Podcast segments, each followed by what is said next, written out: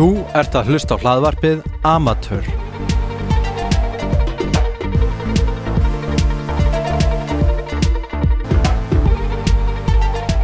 Kvikmyndaskólinn sem ég var í heitir Die Deutsche Film- und Fernsehakademie Berlin en ég kalla hann bara Þíska kvikmyndaskólan.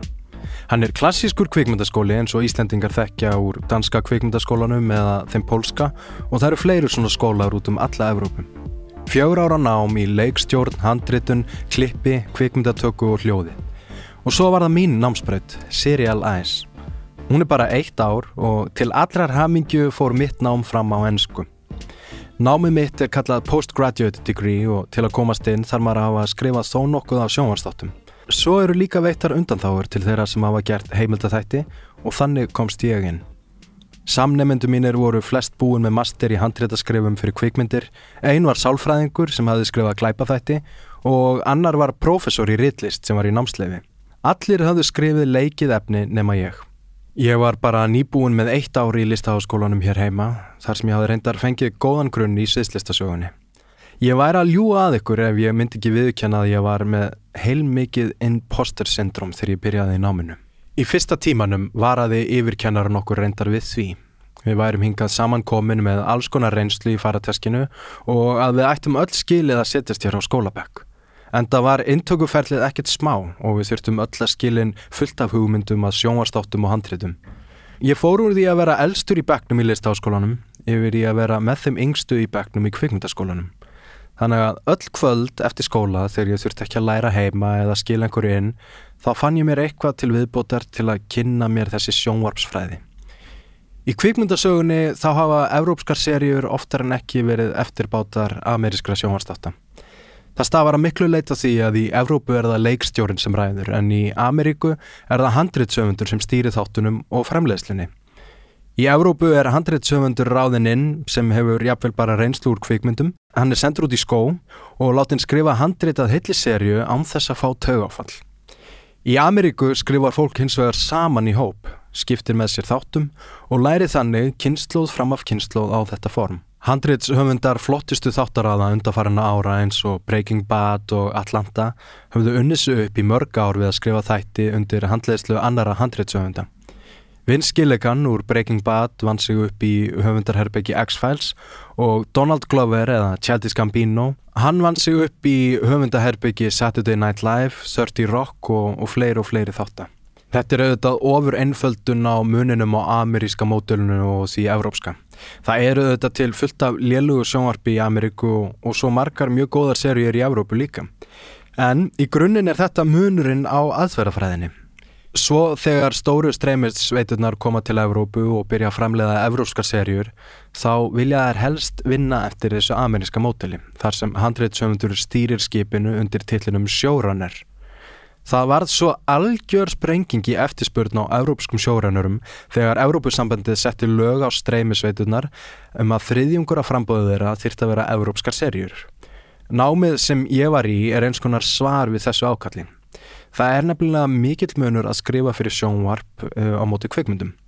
En ég sjálfur þurfti líka bara að læra ansi mikið inn á leikið efni. Þannig að eins og ég segi, öll kvöld var ég annarkvort að skrifa fyrir skólan, horfa á þætti sem voru lagði fyrir í heimavinnu eða í eigin rannsóknum á einu dramatíska formi. Þannig að virk tónlistarið kon satað miklu leita á hakanum.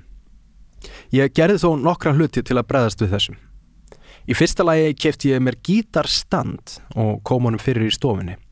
Í stað þess að hafa gítarinn í tösku inn í vinnuherbyggi eða fyrir fjölskyldunu á sófanum í stofunni þá var ég alltaf með gítarinn í hendina meðan ég horfði sjónvarpið. Og svo í öðru lagi sett ég upp algjörlega tölvulaust og sjálfbært stúdjú.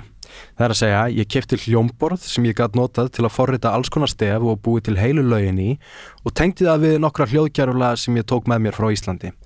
Svo kefti ég upptökutæki til að festa þessi stef á skrá. Eftir langan dag fyrir framann tölvuna þá gæti ég staðið fyrir framann ljósaflóð af græjum og tökkum, eins konar skemmtar á styrum og leiki mér að ég að semja lög bara út í bláin. Svo eftir hverja lótu í skólanum gaf ég sjálfu mér græju í gjöf. Alþjóðavæðingin á hljóðfæramörkuðum hefur orðið til þess að það eru þjóðverjar sem standa fremstir í flokki í því að framlega ræjódýrar eftirlíkingar af gömlum, japanskum, trómmuheilum og hljóðgjörlum. Eftir fyrstu önnina í skólanum pantaði ég mér 606 trómuheila. Og eftir útskriftina pantaði ég mér 909 trómuheila. Það er mér mikil hugleðsla að fá að spila á þessa græjur. Ég er nefnilega ekkert sérstaklega flinkur hljóðfærleikari. Ég lærði á piano þanga til ég var 10 ára eða öllu heldur þanga til að það komst upp að ég var aðalega að spila eftir eirunum en ekki nótunum. Og svo fann ég mig sem úlingur á gítarnum að læra Hendrix og Metallica. Eina hljóðfærið sem ég er mjög örugur á er tölvan og tónlistaforrið. Það breytti öllu fyrir mig þegar það kom Apple 12 á heimilið þegar ég var 12 ára. Mac Mini með GarageBand forritinu. Ótrúlega aðgengilagt og hágæða forrit sem er meira segja í öllum iPodum nú til dags. Og með tilkomi YouTube þá er ekki til neyn góð afsökun að vera að býða með það að læra á tónlistaforrit ef maður hefur áhuga á því á annað borð. Ég fæ heilmikið út úr því að eignast nýjan hljóðgerfil og læra á hann með því að byrja strax að semja bara eitthvað á hann. Gera mistök og horfa þá á YouTube tutorial til að læra betur á hann. Þannig að í gegnum mjög flókið og erfitt nám þá var þetta mín helsta slökun. Að standa upp eftir langan dag og kveikja skemmtaranum og semja bara eitthvað út í bláin. Ég vissi alveg að ég hefði ekki tíma til að pæli neinum.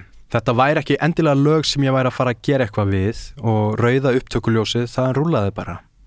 Stundum íti ég á rekk og stundum ekki. Og smátt og smátt er það undir meðvöndin sem tekur við stýrinu. Algjörlega laus við áhrif frá púkanum. Og Púki er einmitt lægið sem við tökum fyrir í þessum þætti. Auðvitað satan fyrir mér í náminu en það hjálpaði mér heilmikið að geta leikið mér á skemmtaran þegar ég tók mér pásu frá skólanum. Eins konar tegjuæfingar á milli langklöpa. Ég notaði heilbriðan skamt af tónlist til að bæja púkanum frá skrifunum. Til að geta sagt ykkur frá því hvernig þetta lag varð til þá langar mig að setja fram smá kenningu um púkan. Púkin býr auðvitað bara innra með okkur eins og ég er svo oft búin að koma inn á í þessari þáttaröð. Hann eru rattirnar í hausnum sem tala mann niður, stöða frumleg heit og gera allt til að fá mann til að gefast upp, pakka saman og hætta við. En við getum líka átta til að sjá púkan í öðrum. Í grunninn er það bara þessi hugsun. Hvað finnst öðrum um mig eða það sem ég er að gera? Þetta byrjar sem saklu spurning en Púkin hælætar spurningamerkið og hugsa með sér hér er tækifæri til að spilla fyrir. En málega það að lang oftast er engin að spá í þér nema þú sjálfur. Mjög nærtækt dæmi er dansskólfið. Ég veit ekki hvort þetta sé bara í hausnum á mér eða hvort þetta sé eitthvað strákating eða hvort fleiri tengi við þetta en í mörg ár og vissan hátt ennþá finnst mér frekar óþægilegt að fara á dansskólfið. Ég stend aftast á tónleikum og dilli haustnum með báðar hendur í vössum. Púkin er búin að sannfæra mig um að allir sé að spá í því hvernig ég dansi, sem er auðvitað algjör vitleisa. Fólki gæti ekki verið meira sama. Þannig að ég er búin að vinna markvist gegn þessu undanfæra nár, þessi örfáu skipti sem ég hef komist á dansskólf eða tónleika í gegnum COVID. Og í gegnum dýpstu COVID-bylgjurnar, útgöngubönn og einangrun, þá dreymdi mig um að standa einn á miðju dansskólfi umkringdur fólki sem ég þekkt ekki neitt. Í þessari þátturöðu er ég búin að tala heilmikið um tíma minn í Berlín, bæðið þegar við vorum þar hljómsveitin fyrir 11 árum og svo núna aftur þegar ég var í skóla undanfærin ár. En það er eitt vandamál sem ég náði aldrei að leysa úr þarna fyrir 11 árum og svo aftur núna undanfærin 2 ári COVID. Vandamálið var að þó ég væri að gera danstónlist og í raun og veru að vinna við að koma fólki á dansgólfið í öll þessi ár, þá hef ég samt aldrei farið á alvöru nætuklub. Mér langaði ekkert sérstaklega til þess fyrir 11 árum. Það ógs mér í augum. Ég hafði farið í röðun á Berghain og ekki verið hliftinn og ég var hvort sem er að spila á tónlistarháttíðum allar helgar. Svo var það fyrir nokkrum árum að ég fór með hljómsveitinni CCA á tónlistarháttíðina Sonar í Barcelona. Sú upplifun var næst því sem ég hafði komist að fara á klúb á öllum mínum ferli sem tónlistamæður. Ég sá þar ógrinni af ráftónlistafólki og plötusnúðum sem ég held ennþá mikið upp á og mér finnst ég skilja danstónlist miklu betur fyrir vikið. David Byrne, söngvari Talking Heads, hefur skrifað nokkrar mjög skemmtilegu bækur. Í einnið þeirra, How Music Works, talar hann um mikilvægi arkitektúrs eða rýmis öllu heldur í tónlist. Ef maður fer í grunn eðlisfræði þá eru tónlist og hljóð ekkert nema loft á reyfingum. Þannig verða til hljóðbylgjur, sama hvort þær komu úr píborgili eða hátalarakælum. Í bókinni færir bærin mjög góð rauk fyrir því hvernig mismunandi rými hafa áhrif á tónsmíðarnar sem við heyrum. Kathólskar messur og orgelverk eru spiluð hægar en orgelverk í lúterskum kirkjum. Einfallega vegna þess að lúterskar kirkjur eru minni. Það er minni ómtími eða bergmál og þess vegna hægt að spila hraðari hendingar heldur en í gigatískum kathólskum domkirkjum. Í bókinni er hip-hop tónlist tekinn sem dæmi um tónlistastefnu sem hljómar undursamlega í bíl. Þannig getur bílinn verið mjög skemmtilagt rými til að njóta tónlistar. Annað dæmi sem ég man eftir eru hljómsveitir sem verða stjartfræðilega frægar. Eftir því sem þær spila í stærri tónleikahöllum þá breytist sándið á hverju plötu. Coldplay, U2 og meira segja Kings of Leon allt eru þetta hljómsveitir sem fara úr því að spila einhvers konar indie eða bílskursrock en eru allar komnar í það sem ætti kalla stadium rock eftir því sem fleiri vilja koma á tónleika hjá þeim. Ég lofaði sjálfu mér því að fyrst ég væri núna komin aftur til Berlinar að þá myndi ég sko fara á alvöru næturklub. En svo helt pláan áfram og allt var lokað þannig að það var ekki fyrir núna í mæ 2022 sem ég fór í fyrsta sinn á klub. Og nei, þetta var ekki Berghain. Þetta var kvöld sem var öllum minna í sniðum, þarna voru cirka 200 manns og ekki meir en 5 strópljós. Einu litirnir í ljósunum voru rauður og hvítur, annars var mjög dimt og ótrúlega há og hröð tónlist. Og það sprakk eitthvað í hausnum á mér þann inni. Ég sem er búin að spá í tónlist í öll þessi ár og fer svo líka í nám í sviðslistum, þarna inni saminuðust þessar mismunandi brautir í hausnum á mér og alls konar hugmyndir fóru að verða til. Og ég hugsaði aftur og aftur um það sem David Byrne hafði sagt um rými og tónlist. En það sem meira var er að þarna inni voru allir svo næs. Það var ekkert ofbeldi eða áreiti, bara virðing og skemmtun á hæsta stegi. Mjög utopíst allt saman. Að vera á stað þar sem allir voru komni saman til að hlusta á góða tónlist og dansa.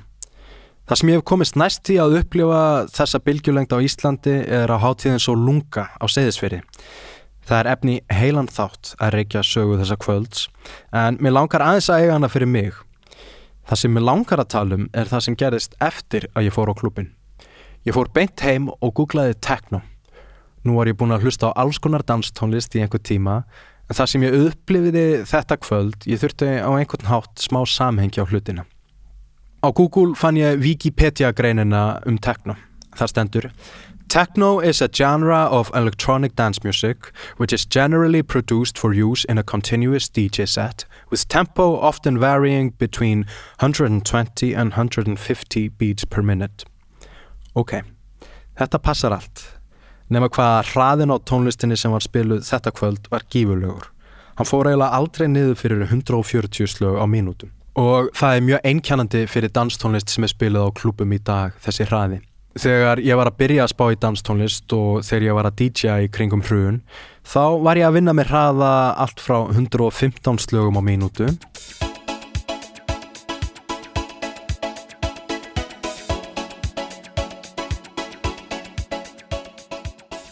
upp í mestalagi 130 slög á mínútu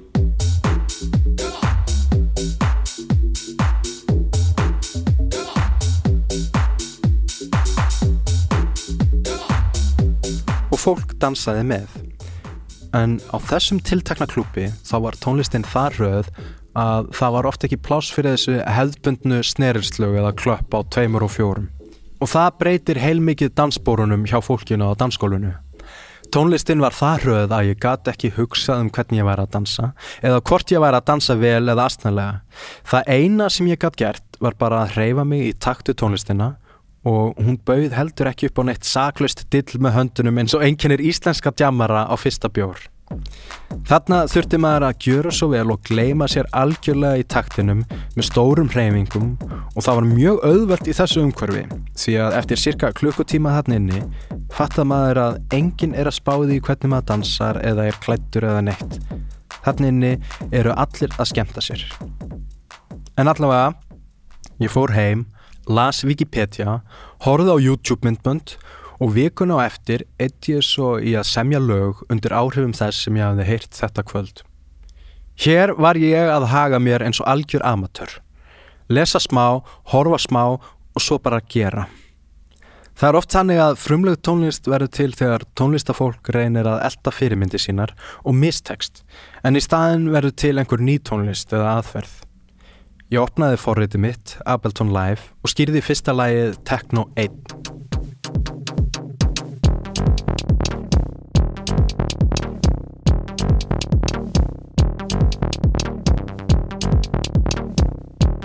Dæin eftir gerði ég nýtt lag, Techno 2.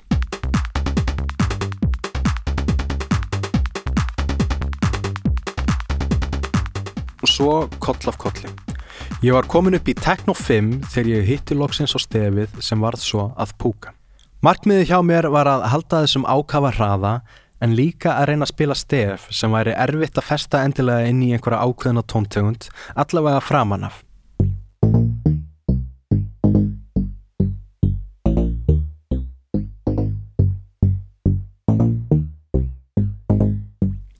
Þessi lína meikar ekki endilega mikinn sens ein og sér.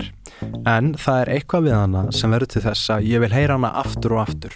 Þannig að ég ratta hana algjörlega eftir eiranu og þessum tímapunkti veit ég ennþá ekkert hvaða skalir í gangi eða neitt þannig.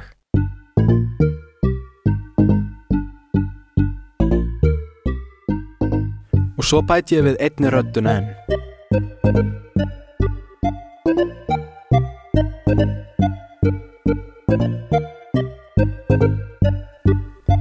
Ok, hversu langt ætli ég komist bara með þessi örfáu element? Ég set upp grunn útsetningu og geimi svo lægið þángu til að Sveinbjörn Hermikjörvill kemur til Bellinar. Sveinbjörn tekur lægið algjörlega í nefið en nær samt líka að láta þessi grunn element standa út. Hann skiptir röddununum út fyrir kúabjöllu hljóð þannig að eftirstendur eiginlega bara ómur af nótunum.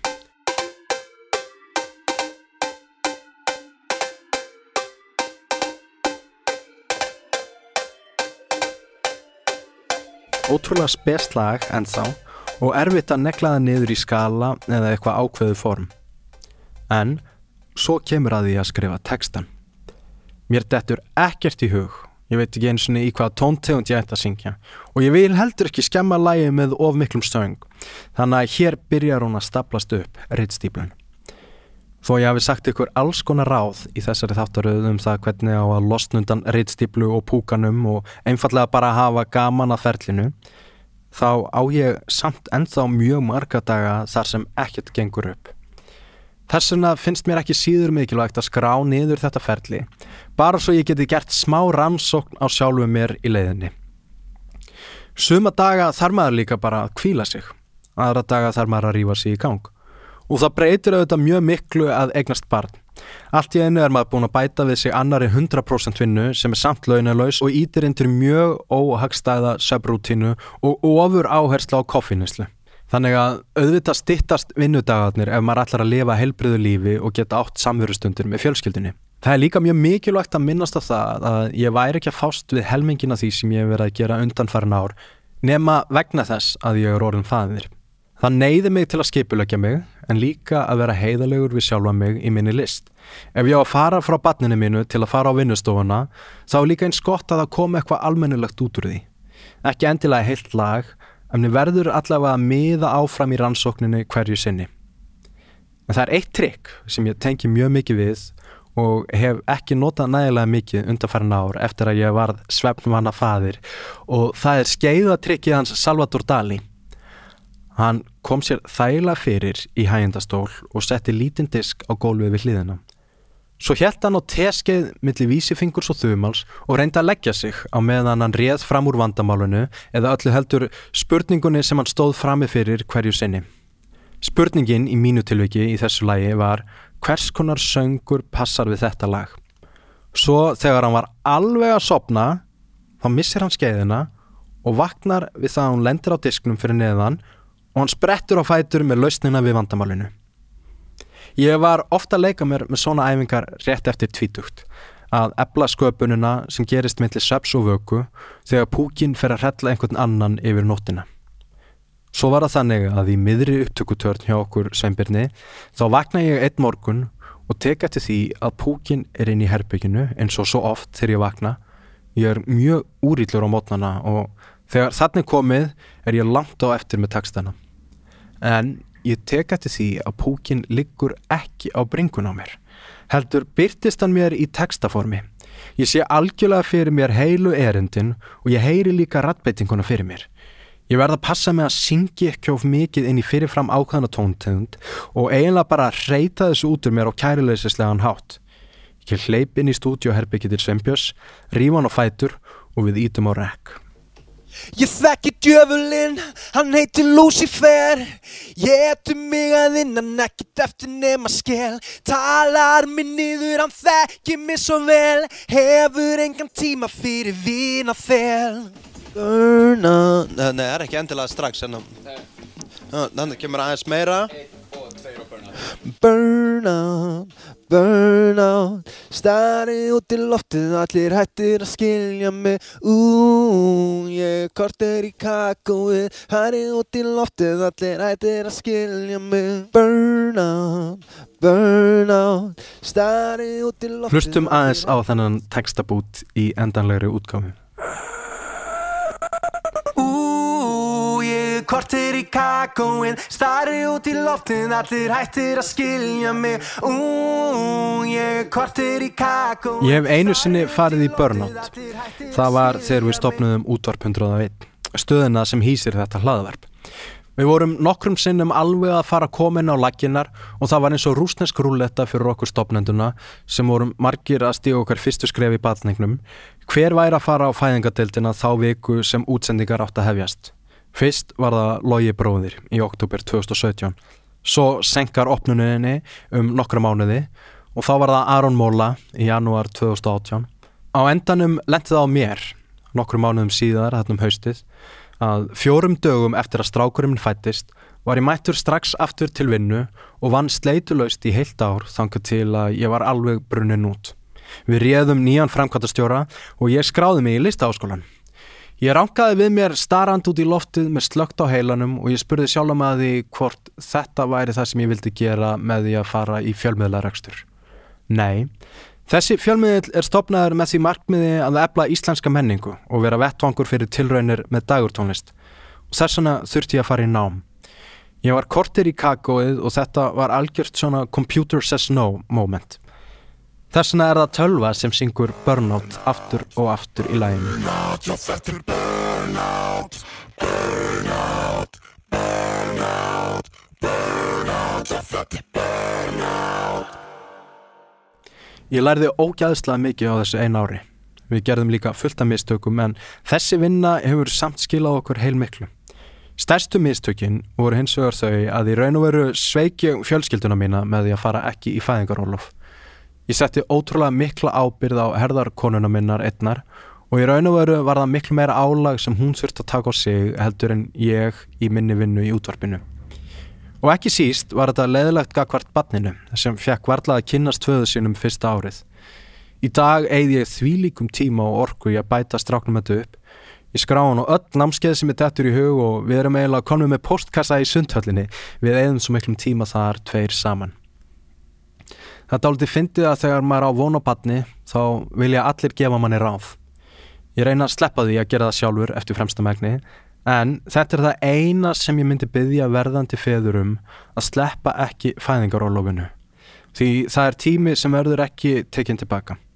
Og nú mun ég alltaf eiga þetta lag til að minna mig á það að fara ekki aftur á þennan stað.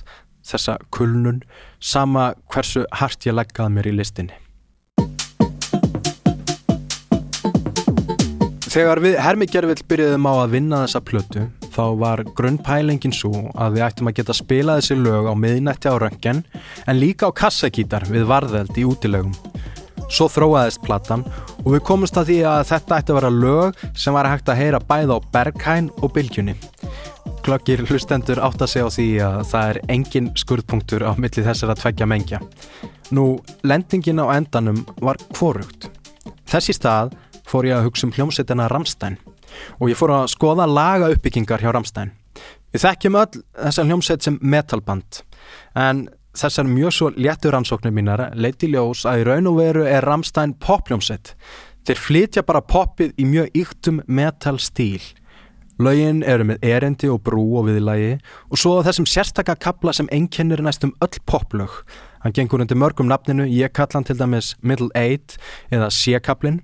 Bútur af læginu sem kemur fyrir þegar lægið er aðeins meir en hálnað, cirka tvo þriðið inn í það og er annarkvort allt öðruvísi eða bara tilbriði við viðlægið eða erindin.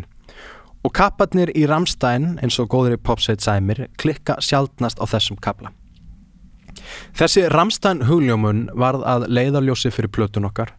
Hversu langt getum við hermigerfill gengið í að búa til mjög ákafa og hraða danstónlist en samt haldiðinni í popforminu? Þar kemur Arnar Ingi, betur þekktur sem Young Nazareth, sterkur inn. Hann er frábær lagahöfundur og upptökustjóri með þvílíkt eira fyrir söng. Ég gæti eitt öllu hlaðverfinu í að spila fyrir ykkur demóin fyrst og svo söngin eftir að Arnar hefur tekið hann í gegn. Laugin lipna við. Oftast þegar ég hef heyrt söng í svona danstónlist eins og við erum að gera, þá er hann ekki mjög framalega í mixinu.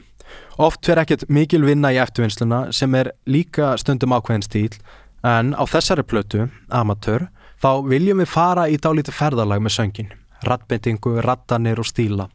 Því að á endanum kemur hún út undir mínu nafni, söngvarans. Mér langar að spila fyrir ykkur brota því hvernig söngurinn í viðlæðinu hljómaði þarna morgunin þegar ég vakti Sveinbjörn og var nýbúin að fanga púkan undir sæng. Þetta er undir miklum metaláhrifum því þarna var ég ábygglega með Ramstein pælinguna í undirmeðutundinni. Grepur Shakespeare og alla fucking heimavinnuna Hei Púki, ég vakna til að drepa þig Og hei Púki, ég vakna til að kanna fyrir þig Og hei Púki, ég vakna til að drepa þig Og hei Púki, ég vakna til að drepa þig Fuck my life sko Þessi hljóðpútur er úr myndbandi sem ég var að hlaðin á Instagram rásina mína. Þið getið tjekka á honum þar. Arnar Ingi tók svo þessa pælingu á næsta stig eins og þau munið heyra í lokaútgáfinni. Ég vakna til að drepa þig. Hei Púki Þú veist vel ég hati þetta shit. Hei Púki Ég sopna til að kæfa þig. Og hei Púki Hlakka til að sjá þig á morgun. Hei Púki Ég vakna til að drepa þig. Og hei Púki Þú veist vel ég hati þetta shit. Hei Púki Ég sopna til að kæfa þig Með þessari samvinnu okkar á milli er ég komin í heilan ring. Ég er að nýta námið sem ég eitti svo miklum tíma í út í Berlín, ekki bara í að skrifa þætti, heldur líka í tónlistina og tónsmíðar. Ég hef nefnilega alltaf verið frekar einrætt þegar kemur að því að semja og ég síndi oftast krökkunum í bandinu lögin bara þegar þau voru svo til full samin. En eftir því sem ég eldist kann ég meira að meta hópavinnuna. Meira að segja þegar við erum ósamála, þegar við erum ekki á einu máli í hvora áttina við erum að fara, þá kemur eiginlega alltaf betri hugmynd út úr því. Þriðja leiðin. Manneskjur saman í hóp, í æfingarhúsnæði eða á sviði að dilla haustum í takt, það er ómetanleg orka fyrir mig. Og í skólanum fekk ég tækifæri til að pæla þess meira í þessar orku og læra beislana, verða eins konar sjórunner í tónlistinni. Mér finnst alltaf svo leðilegt þegar fólk, bæði bitrir tónlistamenn en líka fólk sem hefur ekki svo mikla þekking á hvernig poplög verða til, gaggrína stórstjórnir eins og Beyoncé eða Taylor Swift fyrir að vera með fjöldanallan af lagahöfundum skráða á eitt lag. Í fyrsta lagi lenda karlsöngvarar aldrei í þessu, hvorki Kanye West eða Ed Sheeran og í öðru lagi þá eru þessar stórsöngunur komnar með eins konar doktorskráðu í að beistla þessa orku sem myndast í stúdíónu og eru þess vegna svo sannlega yfir höfundar sinna laga.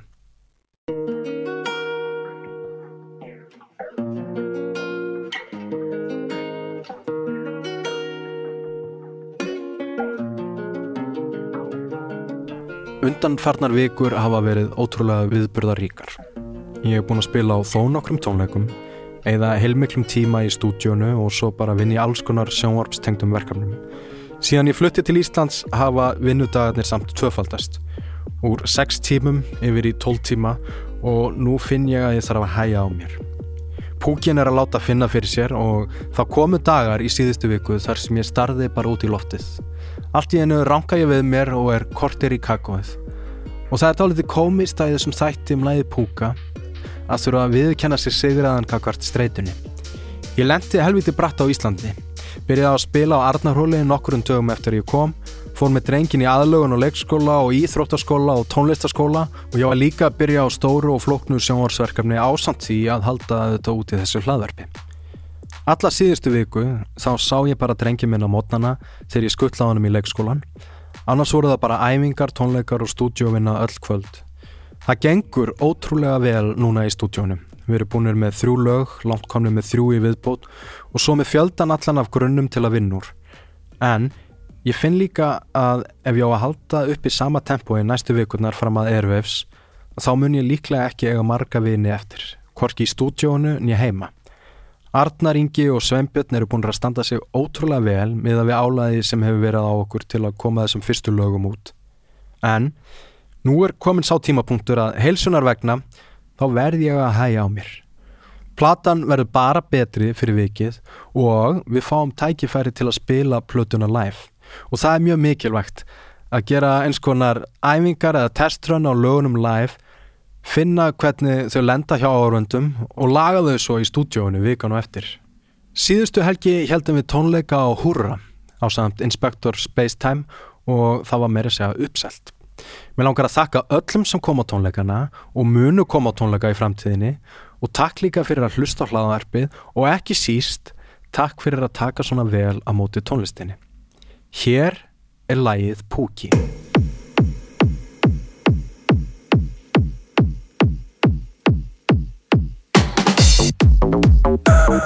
Ég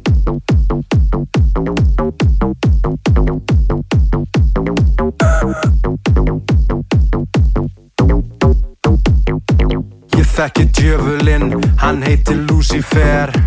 Ég etu mig að innan, ekkert eftir nema skell Talar mig niður, hann þekki mig svo vel. Hefur engan tíma fyrir vina þel